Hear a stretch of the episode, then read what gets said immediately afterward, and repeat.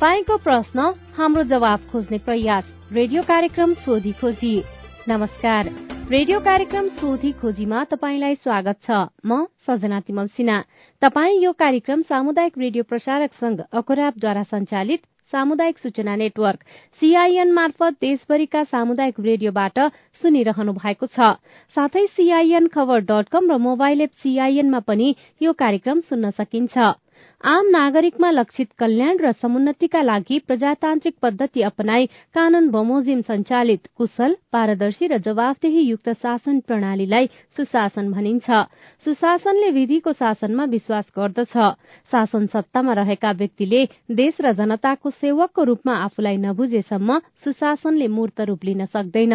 अनि सुशासनमा सार्वजनिक सेवा प्रवाह गर्ने राज्य यसका निकाय र सिंह प्रशासन तन्त्रले देश र जनताको भलाइका लागि काम गर्न निस्वार्थ रूपमा छिटो एवं छरितो सेवा प्रवाह गर्नुपर्दछ। तपाईँले ती सेवा कसरी पाइरहनु भएको छ? तपाईँका सवाल र सेवालाई नागरिक मैत्री बनाउन केही प्रश्न तथा जिज्ञासाहरू छन्? तपाईँले सीआईएनमा पठाएका तिनै प्रश्न जिज्ञासाको हामी जवाब खोज्नेछौं। तपाईँले गरेको प्रश्न सवाल हो। सवालको जवाब कसले दिन्छ? यी जम्मै सवालको प्रमुख जिम्मेवार को हो? हामी जिम्मेवार निकाय र व्यक्तिलाई सोध्ने मात्रै छैनौं त्यसको खोजी पनि गर्नेछौं। तपाईँको प्रश्नको उत्तर मात्रै खोज्ने छैनौं? त्यसपछि त्यो सवाललाई टुङ्गोमा पुर्याउन के भइरहेको छ त्यसको पनि सोधी खोजी गर्नेछौ। हाम्रो टेलिफोन नम्बर शून्य एक बान्न साठी छ चार छमा फोन गरेर रेकर्ड गर्नुहोस्। यो नम्बरमा तपाईँले जुनसुकै बेला फोन गरेर आफ्नो प्रश्न रेकर्ड गर्न सक्नुहुनेछ। यस्तै सीआईएनको फेसबुक पेजमा गएर तपाईँले आफूलाई लागेका प्रश्न जिज्ञासाहरू लेख्न सक्नुहुनेछ। तपाईँ प्रश्न राख्नुहोस् हामी जवाब खोज्नेछौ। कार्यक्रम सोधी खोजीमा। देश संघीयतामा गएपछि सात सय त्रिपन्नवटा स्थानीय सरकार छन्। सात प्रदेश सरकार र केन्द्रमा संघीय सरकार छ। संघ प्रदेश र स्थानीय सरकारबाट सम्पादन हुने काममा ढिला सुस्ती छ अनियमितता भएको छ नियम मिचेर कसैले काम गरेको छ भने तपाईँले ती गुनासा सीआईएनमा राख्न सक्नुहुनेछ। घर दैलोमा सरकार पुगेपछि नागरिकले प्रभावकारी सेवा पाउने र विकासको कामले प्राथमिकता पाउने आशा गरिएको थियो। के नागरिकले त्यही आशा अनुसारको सेवा पाइरहेका छन्? छैनन् भने ती प्रश्न पनि तपाईँले राख्न सक्नुहुनेछ।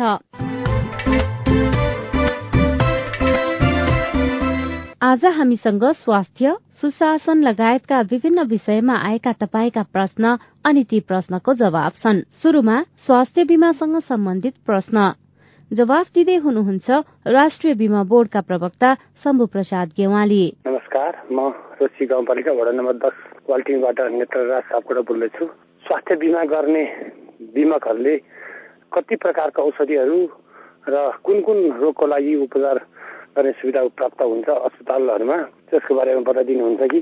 धन्यवाद। स्वास्थ्य बिमालाई हरेक व्यक्तिलाई चाहिँ आबद्ध गर्ने नेपाल सरकारको योजना हो।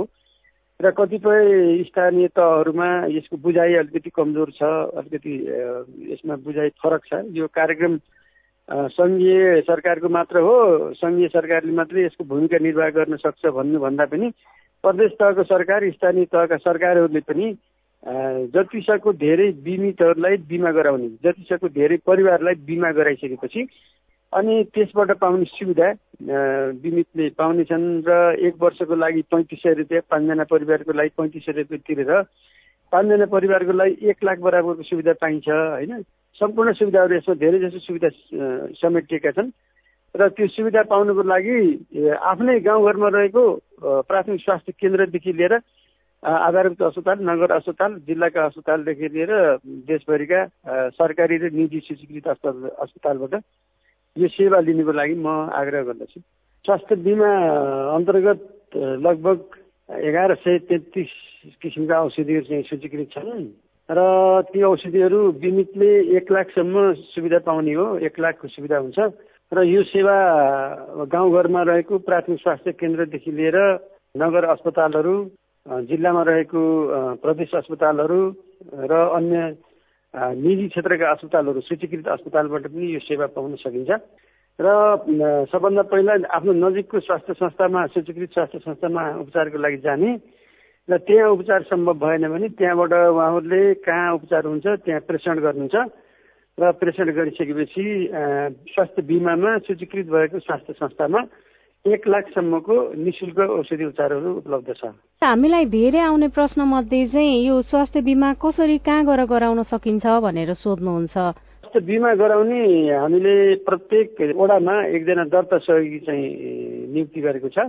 दर्ता सहयोगी सम्बन्धित वडाको वडाध्यक्षको संयोजकत्वमा बनेको समितिले नियुक्ति गर्ने हो र ती दर्ता सहयोगीहरूले दर्ता गर्ने हो। त्यो दर्ता सहयोगी कहाँ छ भनेर बुझ्नको लागि सम्बन्धित वडामा वडाको वडाध्यक्ष वडाको सदस्यहरू स्थानीय तहमा रहेको स्वास्थ्य शाखामा सम्पर्क गर्नुभयो भने त्यो दर्ता गर्ने दर्ता सहयोगीहरूको उपलब्धता हुनेछ। जस्तै अब म आफू स्वास्थ्य बिमा गर्न चाहन्छु मेरो परिवारको पनि गराउन चाहन्छु भने मैले अब कहाँ गएर के गर्नुपर्छ त्यो अलिकति नागरिकता नागरिकता लिएको स्थानीय तह हुन्छ नि स्थानीय मतलब कहाँ छ आफ्नो स्थायी ठेगाना स्थायी ठेगानामा गएर आफ्नो वडामा गएर दर्ता सहयोगीलाई भेट्ने अनि दर्ता सहयोगीले घरमा भएको परिवारलाई सूचीकृत गरिदिनुहुन्छ र परिचय पत्र दिनुहुन्छ उहाँले।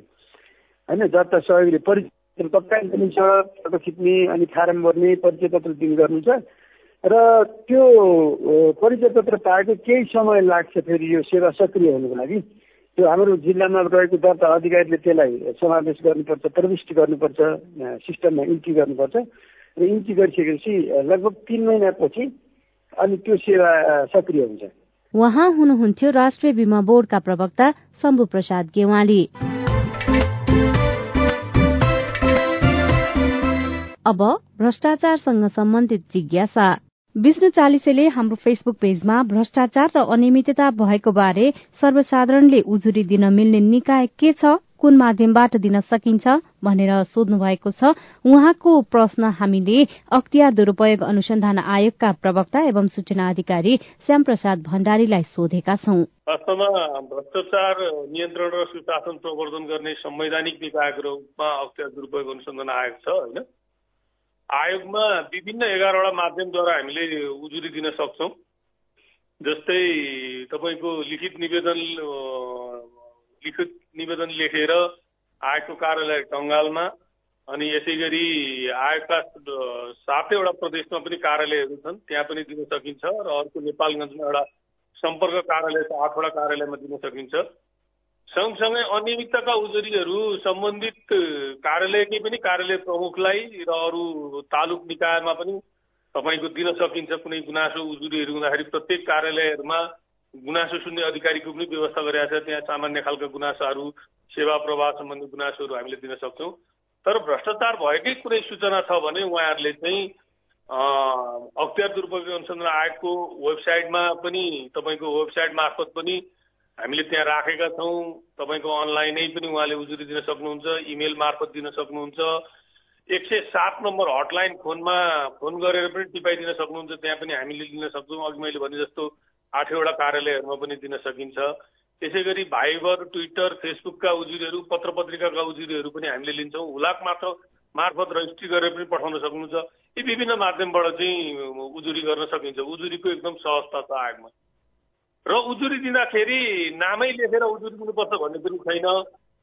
बेगाने उजुरीहरू पनि हामीले स्वीकार गर्छौँ। कसैलाई अब त्यस्तो नाम लेख्नलाई आफूलाई जोखिम छ केही छ भोलि त्यस्तो हुन्छ भनौँ भने पनि उहाँहरूले सूचना दिनुभयो कुनै माध्यमबाट आयोगमा सूचना प्राप्त भयो भने त्यो सूचनालाई उजुरी कायम गरेर आयोगले प्रारम्भिक छानबिन गर्ने र त्यस्तो भ्रष्टाचार जन्य कसुर भएको केही देखिएमा विस्तृत अनुसन्धान गर्ने काम पनि गर्दै आइरहेको छ। हुन त अब बेला बेलामा प्रतिवेदनहरू पनि सार्वजनिक हुन्छन्। भ्रष्टाचारको दर चाहिँ बढ्दो छ भनेर उजुरी दिने क्रम चाहिँ के छ? उजुरी दिने क्रम बढिरहेको छ। कहिले बढ्ने कहिले घट्ने हुन्छ। अब यो विभिन्न घटनाक्रमहरूले पनि हुन्छ। चुनावताका हाम्रो उजुरीहरू अलिकति बढ्थे।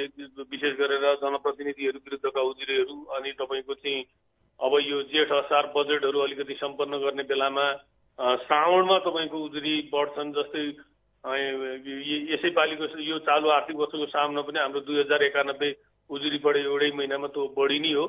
हामीले गत वर्ष टोटल चौबिस हजार तिन सय एकतिस उजुरी परे आयोगमा त्यो आयोगका उजुरीहरूलाई हामीले छानबिन गऱ्यौँ बढ्ने घट्ने थोरै घट्ने तर त्यस्तो महिना विशेषमा हुन्छ। वार्षिक रूपमा चाहिँ हामीले टोटलमा हेर्ने भने उजुरीको सङ्ख्या बढिरहेछ।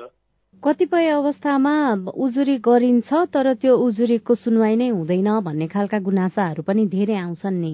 यस्तो छ अब यो चाहिँ कस्तो छ भने धेरै हामीले चाहिँ देखिएका कुराहरूलाई उजुर गर्ने बानी अलिकति त्यसका तथ्य प्रमाणहरू खोलेर कसैलाई आक्षेप लगाउने खालको नभइकन काहीँ कस्तै त्यस्ता अनियमितताका भ्रष्टाचार भएका कुराहरू देखिएका छन् भने ती तथ्य प्रमाणहरू जे छन् आफूसँग आफूसँग छन् भने उजुरीमा त्यो एट्याच गरिदिने छैन भने इन्फर्मेसन दिने। यो यो खालको प्रमाण यस्तो तथ्य या फेला पर्न सकिन्छ भन्ने खालको उजुरीहरू गर्ने नागरिक तहबाट पनि अलिकति निगरानीहरू राख्ने अलिक सचेत हुने यस्ता कुराहरूको हामीले ठाउँ ठाउँमै अलिकति विरोध गर्न सक्यौँ भनेदेखि यो चाहिँ भ्रष्टाचार निर्मूल हुन्छ। यो एउटा बहुआयामिक जटिल प्रकृतिको यो चाहिँ अपराध भएको हुनाले सबै सार्वजनिक निकायहरूले सबै सार्वजनिक पद धारण गरेका पदाधिकारीहरूले यसको जिम्मेवारी र जवाफदेता लिएर इमान्दारिताका साथ काम गर्नुपर्ने र सँगसँगै नागरिक निगरानी संस्था योसँग सम्बन्धित संस्थाहरूले पनि यो प्रति अलिकति निगरानी राख्नुपर्ने हुजुर गर्नुपर्ने ती कुराहरूमा तथ्य प्रमाणहरू हामीसँग प्राप्त भएको कुराहरू आयोगलाई सहयोग गरिदिनु भयो भने यो चाहिँ एउटा होस्टेमा हैँसे जस्तो अथवा भ्रष्टाचार नियन्त्रण गर्ने र सुशासन प्रवर्धन गर्ने कार्यमा आफू पनि एउटा हिस्सेदार बन्न सकिने अवसर छ। त्यो अवसर प्रयोग गर्न म सम्पूर्ण यहाँहरूको यो लोकप्रिय रेडियो मार्फत सबै श्रोताहरूलाई यो जानकारी गराउन चाहन्छु। हजुर। कतिपय अवस्थामा उजुरी दिइन्छ तर पनि सुनवाई हुँदैन। त्यत्तिकै किन दिने हो र भन्ने खालको एउटा सोचाइ पनि मानिसहरूमा विकसित हुँदै गएको पाइन्छ। उहाँहरूलाई के भन्न चाहनुहुन्छ? त्यो एकदम यस्तो हो। यो हामीले उजुरी प्राप्त गरेपछि यो कानुनद्वारा नै यसको छानबिन अनुसन्धानहरू गोप्य रूपमा गर्नुपर्ने हुन्छ। यो धेरै मिडिया कर्मीहरूले मलाई यो सोध्नुहुन्छ उजुर बेनामी उजुर गर्नेहरूले पनि सोध्नुहुन्छ कहाँ पुग्यो के पुग्यो मैले दिएको यति भयो केही थाहा छैन। भने जस्तो हुन्छ त्यो थाहा जानकारी चाहिँ हामीले गराउन मिल्दैन कानुनद्वारा नै गोप्य गर्नुपर्ने हुन्छ। त्यो गोप्य गरेको कारणले चाहिँ उहाँहरूले के ठान्नुहुन्छ भने मैले उजुरी त दिएँ तर कहाँ कता के पऱ्यो भन्ने खालको हुन्छ। त्यस्तो केही हुँदैन। आयोगमा दर्ता भएको उजुरीहरूको एउटा प्रक्रिया पुरा गरेर जान्छ। आयोगले अब कतिपय लालसनाका अथवा गोलमोटल खालका अथवा सम्बन्धित निकायमा लेखेर पठाउनु पर्ने उजुरीहरू हामीले त्यहाँ पठाउँछौँ। कति हामीले नि हेर्नुपर्ने हाम्रा क्षेत्राधिकारभित्रका कुराहरू हामीले हेर्छौँ। हाम्रो क्षेत्राधिकार पनि लिमिट छ निजी क्षेत्र भयो अरू तपाईँका चाहिँ गैर सरकारी संस्थाहरूको जहाँ सरकारी रकमको प्रयोग भएको छैन जहाँ सार्वजनिक पद धारण गरेको व्यक्तिले अनियमितता गरेको छैन त्योदेखि बाहेकको क्षेत्र हामीले हेर्दैनौँ। त्यो नहेरेका कुराहरू हामी सम्बन्धित निकायमा लेखी पठाइदिन्छौँ कतिपय कुराहरू तामेली राख्छौँ। र मात्रै त्यस्तो भएको। अन्यथा तपाईँको उजुरी परेको आयोगमा एउटा निश्चित प्रक्रिया छ। त्यो प्रक्रिया प्रत्येक उजुरीले पुरा गर्नुपर्ने हुन्छ। त्यस्तो अवस्था रहँदैन।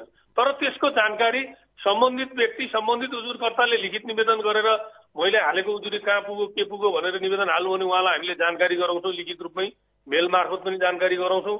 त्यो कुरो उहाँले थाहा पाउनुहुन्छ। तर बेनामी उजुरीको जानकारी हामीले कसैलाई गराउन मिल्दैन।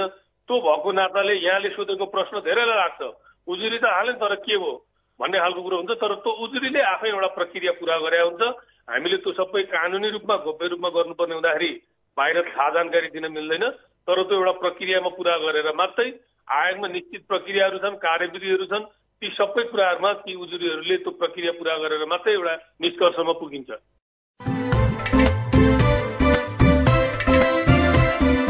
तपाईँ अहिले कार्यक्रम सोधी खोजी सुनिरहनु भएको छ। यो कार्यक्रम सामुदायिक रेडियो प्रसारक संघ अकोराबद्वारा संचालित सामुदायिक सूचना नेटवर्क सीआईएन मार्फत देशभरिका सामुदायिक रेडियोसँगै सीआईएन खबर डट कम र मोबाइल एप सीआईएनमा पनि सुन्न सकिन्छ। कार्यक्रममा हामी तपाईँको प्रश्न लिन्छौं अनि ती प्रश्नको जवाब सम्बन्धित निकायलाई सोध्छौ। तपाई पनि कार्यक्रममा सहभागी हुन सक्नुहुनेछ। त्यसको लागि तपाईँले शून्य एक बान्न साठी छ चार छमा फोन गरेर आफ्नो प्रश्न रेकर्ड गर्न सक्नुहुनेछ भने सीआईएनको Facebook page community information network सीआईएनमा गएर पनि आफ्ना कुरा लेख्न सक्नुहुनेछ। केही बेर अघि हामीले स्वास्थ्य र सुशासनसँग सम्बन्धित प्रश्नको जवाफ लियौं। अब अरू प्रसंग। नमस्कार मेरो नाम प्रेम बहादुर साउद गौरीगंगा नगरपालिका वार्ड नम्बर सात कैलालीबाट मेरो जिज्ञासा भनेको यो जग्गा लाल ऊर्जा वितरण सम्बन्धमा भूमि आयोगको निर्देशकको लागि।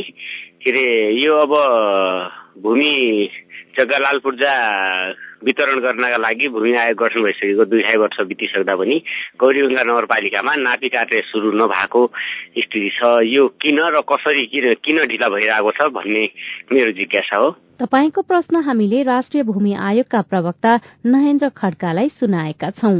राष्ट्रिय भूमि आयोग गठन भएको एक वर्ष मात्रै भएर यता आएको छ। पहिलो कुरा दोस्रो कुरा चाहिँ स्थानीय तहहरूले सम्झौता गर्ने लगत सङ्कलन गर्ने र चाहिँ तपाईँको प्रमाणीकरणको कामहरू अहिले सम्झौता गरेर अगाडि बढाइराख्नु भएको छ अगाडि बढिरहेको छ।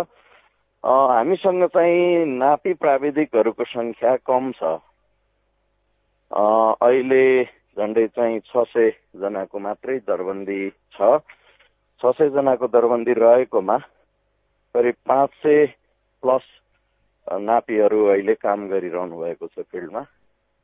र त्यसो गर्दा हामीले उहाँहरूलाई चाहिँ पहिलो चरणमा अडसठीवटा स्थानीय तहमा पठाएका थियौँ। र पछि केही स्थानीय तहहरूमा थप भएर अहिले करिब असीवटा स्थानीय तहहरूमा काम भइरहेको छ।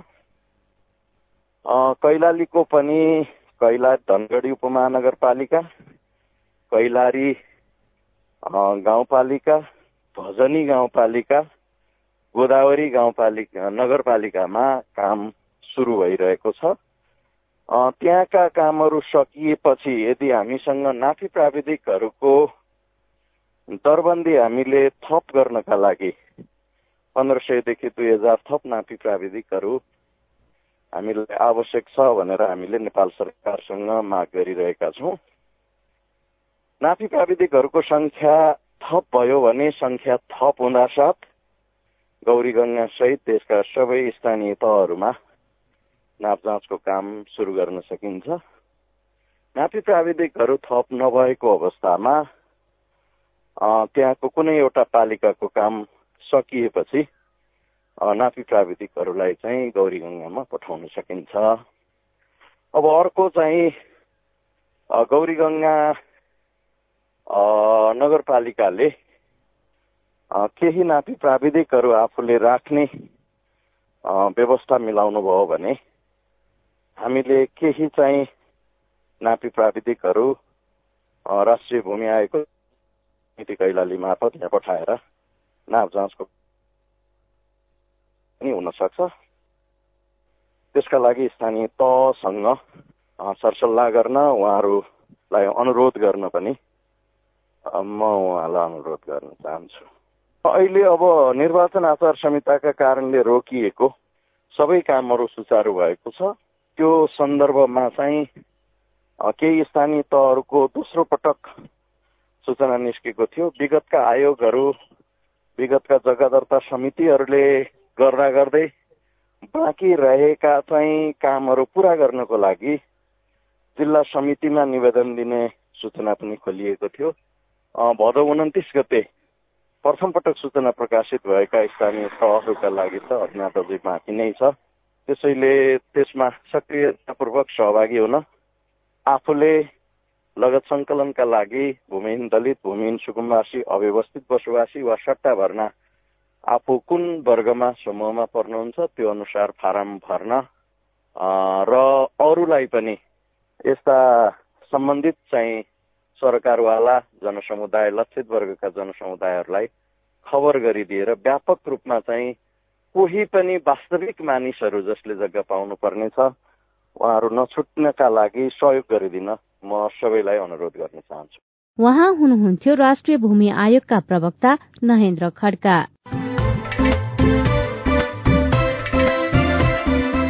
अब सेयरसँग सम्बन्धित जिज्ञासा। नमस्ते मेरो नाम सूर्य प्रसाद ढुङ्गाना सिन्धुपाल्चोक साँगाचोक गढी नगरपालिका। मेरो प्रश्न चाहिँ हेतुपत्र बोर्डलाई यो विदेश बस्ने नेपालीको लागि छुट्याइएको भनिएको यो प्राथमिक सेयर आइपिओ छुट्याइएको छ भनियो तर अब यसको लागि हामी त्यसमा जाने प्रक्रिया के होला? जिज्ञासा भेटाइदिनका लागि हामीले नेपाल धितोपत्र बोर्डका प्रवक्ता रूपेश केसीलाई अनुरोध गरेका छौं। नेपाल धितोपत्र बोर्डले चाहिँ विदेशमा चाहिँ रोजगारीको लागि गएका नेपालीहरूको लागि सर्वसाधारणको लागि निष्कासन भएको सेयरमा चाहिँ दस प्रतिशत आरक्षण दिने व्यवस्था भर्खरै गरेको छ। त्यसको लागि चाहिँ यता संस्वीकृति लिएर विदेशमा गएका जुन रोजगार गरिरहेका नेपाली नागरिकले चाहिँ धितोपत्र बोर्डबाट स्वीकृत प्राप्त गरी निष्कासन भएको सेयरमा चाहिँ आवेदन दिन सक्नुहुन्छ र त्यसको लागि चाहिँ सर्वप्रथम चाहिँ यो धितोपत्र खरिद दरखास्त सम्बन्धी कार्य गर्ने जुन अनुमति प्राप्त ब्याङ्क वित्तीय संस्थाहरू हुन्छन् जसलाई हामी आशा सदस्य भन्छौँ हो। ती आशा सदस्य ब्याङ्क वित्तीय संस्थामा चाहिँ विप्रेषण अथवा रेमिट्यान्स बचत खाता खोलिएको हुनु पर्नेछ र त्यो खाता मार्फत मात्रै चाहिँ यसमा चाहिँ आवेदन दिन सकिन्छ। र अर्को चाहिँ एउटा यसमा व्यवस्था भनेको चाहिँ जुन रेमिट्यान्स बचत खाता हुन्छ उक्त खातामा चाहिँ पछिल्लो छ महिनामा कम्तीमा पचास हजार नेपाली रुपियाँ बराबरको चाहिँ जम्मा भएको हुनुपर्ने अथवा चाहिँ पठाइएको हुनुपर्ने भन्ने चाहिँ व्यवस्था गरिएको छ। र यसरी चाहिँ रेमिट्यान्स बचत खाता हुनुपर्ने र त्यसमा चाहिँ विदेशी मुद्रा चाहिँ नेपालमा भित्रियोस् भन्ने प्रोत्साहन स्वरूप चाहिँ यो व्यवस्था लागू भएको हुनाले त्यसमा चाहिँ न्यूनतम पछिल्लो छ महिनामा पचास हजार रुपियाँ बराबरको चाहिँ नेपाली रुपियाँ पठाएको हुनुपर्ने भन्ने यो व्यवस्था गरिएको छ। हो यसरी चाहिँ विदेशबाट नेपालमा पैसा पठाइरहेका श्रमिकहरूलाई नेपाल धितोपत्र बोर्डले यो आइपिओमा चाहिँ आरक्षण दिने व्यवस्था गरेको छ। बेला बेला विभिन्न प्रकारको आइपिओहरू खुल्ने गरेको छ। कस्तो व्यक्तिले कुन खालको आइपिओ भर्नुपर्ने हो त्यो पनि भनिदिनुहोस् न। होइन यसमा चाहिँ कस्तो हुने भयो भने जुन सङ्गठित संस्थाहरू छन् उनीहरूले चाहिँ केही हिस्सा सर्वसाधारणलाई सेयर बेचेर अनि त्यस मार्फत चाहिँ उनीहरूले पुँजी परिचालन गर्छन्। हो त्यसको लागि चाहिँ कुनै पनि सङ्गठित संस्था छ त्यो सङ्गठित संस्था पनि पब्लिक लिमिटेड कम्पनीले चाहिँ यसरी धितोपत्र बजार मार्फत उसले पुँजी प्रवाह गर्न सक्छ हो। ती सङ्गठित संस्थाहरू जुन पछि गएर स्टक एक्सचेन्जमा चाहिँ लिस्टेड हुन्छन् एउटा चाहिँ त्यस्तो सर्वसाधारण त्यस्तो सङ्गठित संस्थाको सेयर चाहिँ सर्वसाधारणमा पहिलोचोटि निष्कासन हुने त्यो चाहिँ प्रारम्भिक सार्वजनिक निष्कासन भयो। अब अर्को तपाईँले जुन क्लोज एन्ड भन्नुभयो त्यो भनेको चाहिँ म्युचुअल फन्ड हो। यो म्युचुअल फन्ड भनेको चाहिँ कस्तो हुन्छ भने अब यो धितपत्र बजार आफैमा एउटा विशेष अथवा भनौँ एउटा टेक्निकल कुरा हो। त्यसमा दोस्रो बजारमा लगानी गर्ने सम्बन्धमा पनि आम सबै सर्वसाधारण नाग नागरिकलाई चाहिँ त्यो सम्बन्धी ज्ञान नहुन सक्छ हो। त्यसै भएर चाहिँ यो म्युचुअल फन्डहरू अथवा जसलाई सामूहिक लगानी योजना भनिन्छ त्यस सञ्चालन गर्नको लागि चाहिँ एउटा एक्सपर्ट टिम हुन्छ। धितोपत्र बोर्डबाटै स्वीकृत भएका योजना व्यवस्थापकहरूले म्युचुअल फन्ड सञ्चालन गर्न पाउँछन्। हो त्यो एक्सपर्ट टिम मार्फत चाहिँ सर्वसाधारण लगानीकर्ताले लगानी गर्नलाई म्युचुअल फन्ड जुन स्किमहरू बेला बखत यही प्रारम्भिक सार्वजनिक निष्कासन मार्फतै बिक्री हुन्छ। हो अर्को माध्यम भनेको यो चाहिँ आफू सिधै धितोपत्र बजारमा लगानी नगरिकन त्यो म्युचुअल फन्ड मार्फत चाहिँ लगानी गर्ने माध्यम भनेको चाहिँ यी क्लोज एन्ड म्युचुअल फन्ड अथवा ओपन एन्ड म्युचुअल फन्ड हुन्। हो यो पनि एक तरिकाको पुँजी परिचालनको माध्यम हो तर त्यसमा चाहिँ अब यो सम्बन्धी पुरा ज्ञान नभएका व्यक्तिले सिधै नगरिकन यसरी योजना व्यवस्थापकहरू जसमा रिसर्च टिम हुन्छ यो उनीहरूले इन्फर्म डिसिजन मेकिङ गर्छन् हो ती मार्फत चाहिँ लगानी गर्ने माध्यम हो यो। सेयर बेच्ने किन्ने भन्ने कुराहरू हुन्छ होइन? यो आइपिओ चाहिँ बेच्ने किन्ने व्यक्तिगत रूपमा त्यसो हुन्छ कि हुँदैन? आइपिओ भनेको चाहिँ प्रारम्भिक बजारमा छिर्ने चाहिँ एउटा माध्यम हो। मैले अघि पनि भने कि कोही सङ्गठित संस्थालाई उसलाई चाहिँ क्यापिटल चाहिएको छ भने उसले सर्वप्रथम उसले प्राथमिक बजारमा चाहिँ निष्कासन गर्छ र अहिले नेपालको सन्दर्भमा चाहिँ धेरै आइपिओ चाहिँ अङ्कित मूल्य सयमै निष्कासन भइरहेको छ। हुन त केही प्रिमियममा पनि बिक्री भइरहेछन् पछिल्लो समयमा। त्यो गर्न पनि मिल्छ। अन्तर्राष्ट्रिय बजारमा चाहिँ धेरै जस्तो प्रिमियम मूल्यमै बिक्री हुन्छ। नेपालमा चाहिँ अङ्कित मूल्यमै बिक्री हुने सिस्टम छ भनेपछि सुरुमा प्राथमिक बजारमा छिर्ने माध्यम चाहिँ यही आइपिओ इनिसियल पब्लिक अफरिङ प्रारम्भिक सार्वजनिक निष्कासन नै हो। अनि त्यसलाई बिक्री गर्नको लागि चाहिँ दोस्रो बजार मार्फत ट्रेडिङ खाता खोलेर बिक्री गर्नुपर्ने हुन्छ। र अहिले यो श्रमिकहरूलाई दिएको चाहिँ जुन आइपिओ किन्नको लागि सर्वसाधारणलाई जुन जति सेयर छुट्याएको हुन्छ त्यसको चाहिँ दस प्रतिशत चाहिँ उहाँहरूलाई कोटा छुट्याएको अथवा प्रोत्साहनमूलक व्यवस्था गरिएको हो। उहाँ हुनुहुन्थ्यो नेपाल धितोपत्र बोर्डका प्रवक्ता रूपेश केसी। सेयरसँग सम्बन्धित प्रश्नको जवाफ दिँदै। तपाईँका प्रश्नहरूको जवाब खोज्दा खोज्दै रेडियो कार्यक्रम सोधी खोजीको आजको अङ्कबाट विदा लिने समय भएको छ। तपाईँलाई यो कार्यक्रम कस्तो लाग्यो? नागरिकले प्राप्त गर्ने सेवा र विकास निर्माणको कामलाई गुणस्तरीय र प्रभावकारी बनाउन के गर्नु पर्ला तपाईँका केही सुझाव र टिप्पणी छन् भने हाम्रो टेलिफोन नम्बर शून्य एक बान्न साठी छ चार छमा फोन गरेर रेकर्ड गर्नुहोस्। यो नम्बरमा तपाईँले जुनसुकै बेला फोन गरेर आफ्ना प्रश्न रेकर्ड गर्न सक्नुहुनेछ। यस्तै सीआईएनको फेसबुक पेजमा गएर पनि आफ्ना कुरा लेख्न सक्नुहुनेछ। तपाईँ प्रश्न राख्नुहोस् हामी जवाब खोज्नेछौ कार्यक्रम सोधी खोजीमा। यो कार्यक्रमलाई थप प्रभावकारी बनाउन तपाईँको सुझाव महत्वपूर्ण रहनेछ।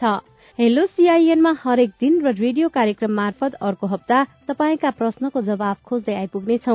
आजका लागि प्राविधिक साथी सुनिल राज भारतलाई धन्यवाद। अहिलेको रेडियो कार्यक्रम सोधी खोजीबाट सजना तिमल सिन्हा विदा हुन्छु।